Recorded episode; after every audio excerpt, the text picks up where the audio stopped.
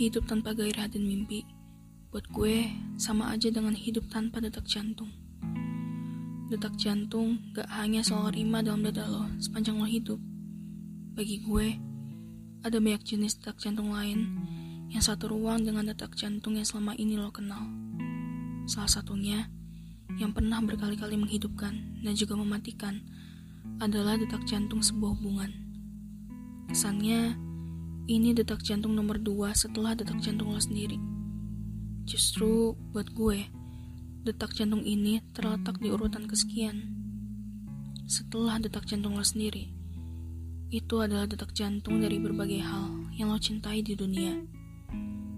Rasa cinta lo dalam bekerja menghidupi diri sendiri maupun keluarga, memasak untuk orang-orang yang lo sayang, membagi bekal ilmu yang lo punya pada banyak orang, berkarya sebebas mungkin, dan melakukan berbagai macam hal lainnya di dunia adalah setiap detak jantung yang ketika lo sambangi dengan gairah lo, maka detak-detak itu akan terpompa dengan kuat, mengalirkan temaram di sela-sela detak jantung lo sendiri. Terkadang, detak jantung ini bisa melemah oleh detak jantung dari sebuah hubungan yang melibatkan lo dengan manusia yang mungkin secara perlahan mengikat tangan lo dari kebebasan untuk menjamah detak jantung itu. Dan perlahan, detak jantung dari hal-hal yang lo cintai itu tidak menemukan sentuhan kasih hingga menjadi besi berkarat. Ketika itu, mungkin lo merasa aman berada dalam genggaman manusia itu dan tidak menyadari ada hal yang sedang meraung dan sekarat dalam diri lo.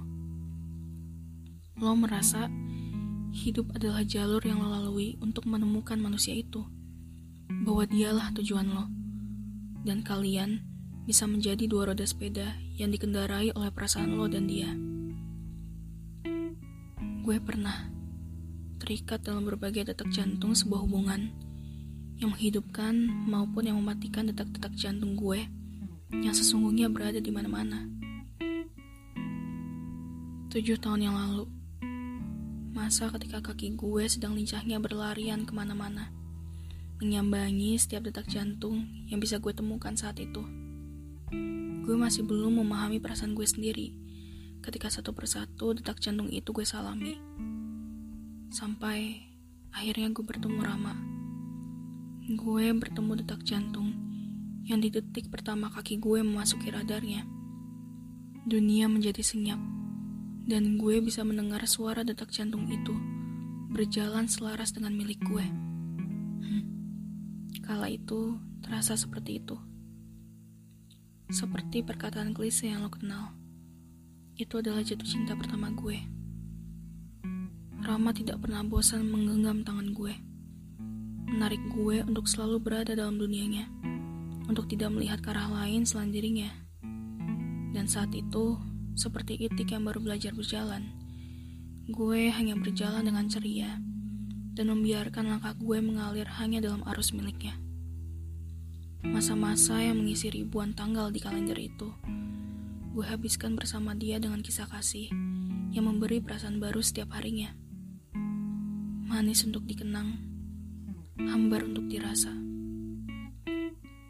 Sampai genggamannya pun melonggar seiring dengan gue yang mulai melirik detak-detak jantung yang lama terabaikan. Ram, sekolah kita kemarin baru aja opening club fotografi nih. Aku sore ini pengen daftar. Rama menaikkan alisnya. Kamu sejak kapan suka foto? Setiap gue bersamanya, gue tidak pernah tidak menyentuh kamera. Bahkan kamera itu menyimpan banyak sekali senyumnya di sana, baik yang disadarinya maupun yang gue abadikan diam-diam. Tatapan gue membuatnya tersenyum dan tertawa canggung. Hmm, iya ya, kamu gak pernah lepas dari kamera. Kupikir itu buat foto asal-asalan aja. Kupikir itu buat foto asal-asalan aja. Sebaris kalimatnya yang kuputar berulang kali dalam kepala. Gue pernah bercerita pada Rama mengenai kamera legendaris almarhum Bapak yang menuntun karya-karya Bapak ke berbagai galeri terkenal di Jakarta. Kamera yang juga gue rawat sebaik mungkin, supaya kelak foto-foto yang lahir dari bidikan gue bisa menyusul jejak bapak dan menyentuh dinding setiap galeri tersebut. Setelah kecanggungan itu, gue dan Rama tetap menjadi kami seperti biasanya. Gue memutuskan untuk mengikuti klub fotografi sekolah gue dan menemukan detak jantung itu menghidupkan seluruh nyala dalam tubuh gue. Jatuh cinta gue dengan kamera bapak berlanjut pada jatuh cinta gue terhadap kebahagiaan gue yang gue rasakan. Ketika mata gue akhirnya bisa bebas memaku objek yang terkurung apik dalam ruang lensa kamera gue. Mengikuti klub fotografi semakin membuka ruang bagi gue untuk membagi perasaan jatuh cinta itu membiarkannya tumbuh. Sementara gue menemukan kesulitan untuk membagi rasa itu dengan Rama, yang mulai melihat perubahan pada diri gue. Besok kamu nemenin aku latihan basket kan? Duh, aku besok rencana hunting foto di daerah Senayan, Ram. Ada kontes fotografi antar sekolah, aku udah daftar. Bisa besoknya lagi kan? Gak bisa, Ram. Deadline minggu ini. Rama menghela napas. Datang aja temenin aku latihan. Di sana banyak spot foto bagus kok. Gue mengerutkan kening. Aku nggak bisa asal foto, Ram. Skip dulu deh ya, nemenin kamu latihan. Pas hari pertandingan kamu, aku pasti ada di sana kok. Aku juga cuma minta kamu nemenin aku latihan sekali ini. Aku udah janji mau ngenalin kamu ke teman-temanku. Kalau kamu nggak datang, kelihatan kalau aku bukan prioritas kamu. Kelihatan kalau aku bukan prioritas kamu.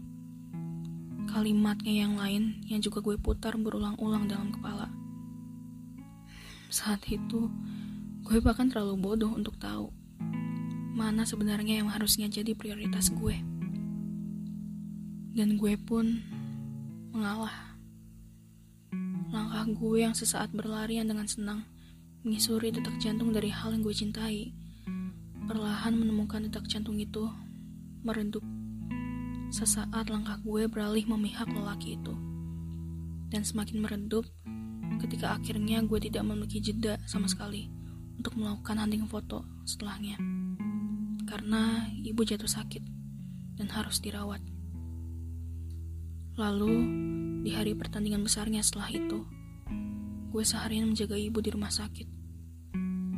Tidak ada sorak-sorai dari kursi penonton seperti yang sering gue dengar ketika menonton pertandingannya.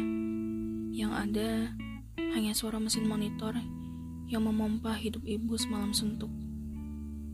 Tidak ada jari jemarinya yang memainkan rambut gue sampai gue mengantuk dan tertidur. Entah itu di meja kelas atau di pangkuannya.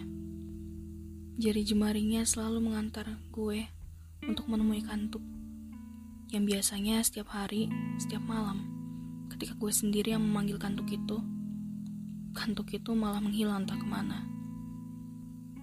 Dan tiga hari setelahnya, gue mengunjungi salah satu galeri di Jakarta yang tidak terlalu besar untuk melihat salah satu hasil bidikan gue akhirnya terpampang di dindingnya. Foto siluet seorang lelaki yang berdiri tepat di bawah matahari di tengah keramaian, tersenyum menunduk sambil menggenggam bola basket di tangannya foto yang gue sempatkan di tengah kekecewaan gue karena hari itu gue tidak bisa melangkah bebas membidik berbagai hal di Senayan. Namun ternyata keisengan memilih foto itu untuk dilombakan berhasil membawa sentuhan gue bersemayam pada dinding galeri ini. Yang gue juga tahu alasannya kenapa. Karena gue menaruh cinta di momen ketika gue membidik lelaki itu melalui lensa kamera gue.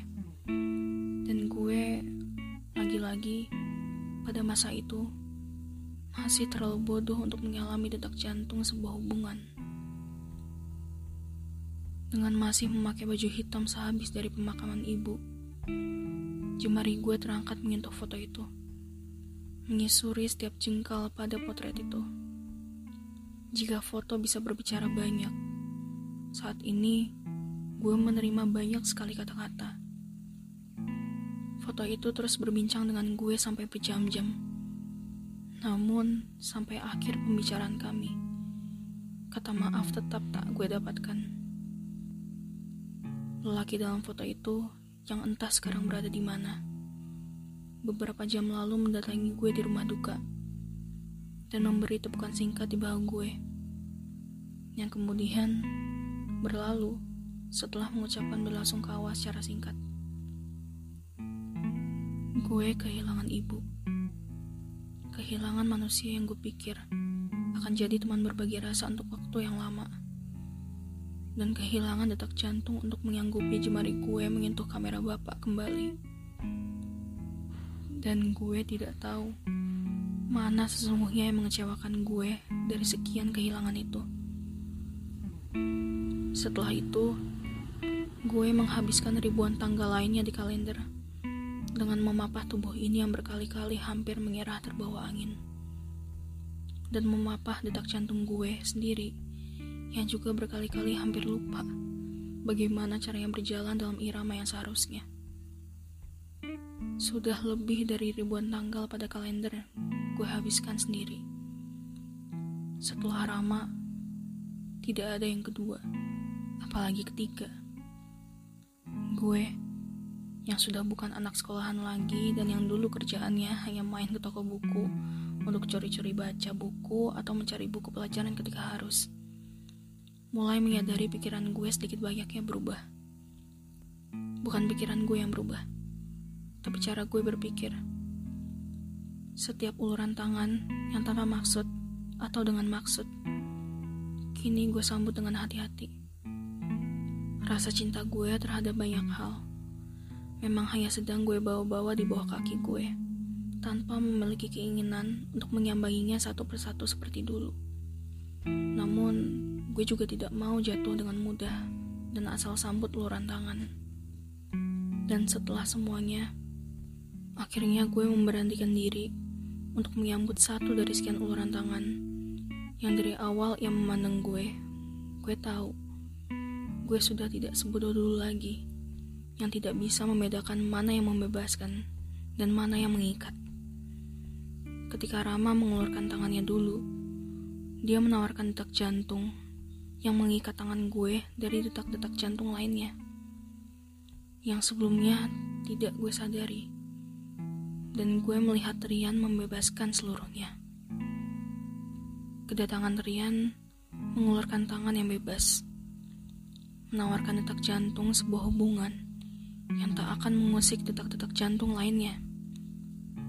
Dan karena itu, gue sambut dengan sukarela. Trian membawa dunianya yang hidup, menyentuh dunia gue yang sudah memiliki retak di berbagai tempat. Lelaki itu menggenggam tangan gue, bukan untuk mengajak gue ke dalam dunianya. Trian menuntun gue untuk sembuh dari retak-retak itu, sampai gue menemukan kesanggupan dalam memanggil setiap detak jantung yang sempat tertidur panjang. Dan seiring ia menemani, tangan gue kembali bersalaman dengan kamera bapak. Bahkan, gue bersalaman dengan detak jantung baru menulis. Sejak dulu, gue tahu bahwa sebuah foto sudah cukup untuk mewakili sebuah cerita. Namun, gue yang juga menemukan diri gue bahagia ketika bercerita dari sudut pandang gue mengenai hasil bidikan gue. Perlahan menulis dan terus menulis sampai terkumpul menjadi sebuah jurnal dari setiap foto yang gue ambil. Lalu, gue menemukan detak jantung itu. Di malam kami duduk berdua di sebuah kedai kopi dan hanya menikmati lampu-lampu kendaraan yang berlalu lalang di depan mata kami. Menyalakan alarm yang berbeda untuk pertama kalinya. Berbeda dengan detak jantung yang dulu. Detak jantung ini bergerak lambat dan tenang, tapi juga ramai. Gue dan dia berbagi irama detak jantung yang tak senada Rasanya detak jantung gue dan dia saling berlari menyapa satu sama lain. Dia dengan seluruh detak jantungnya.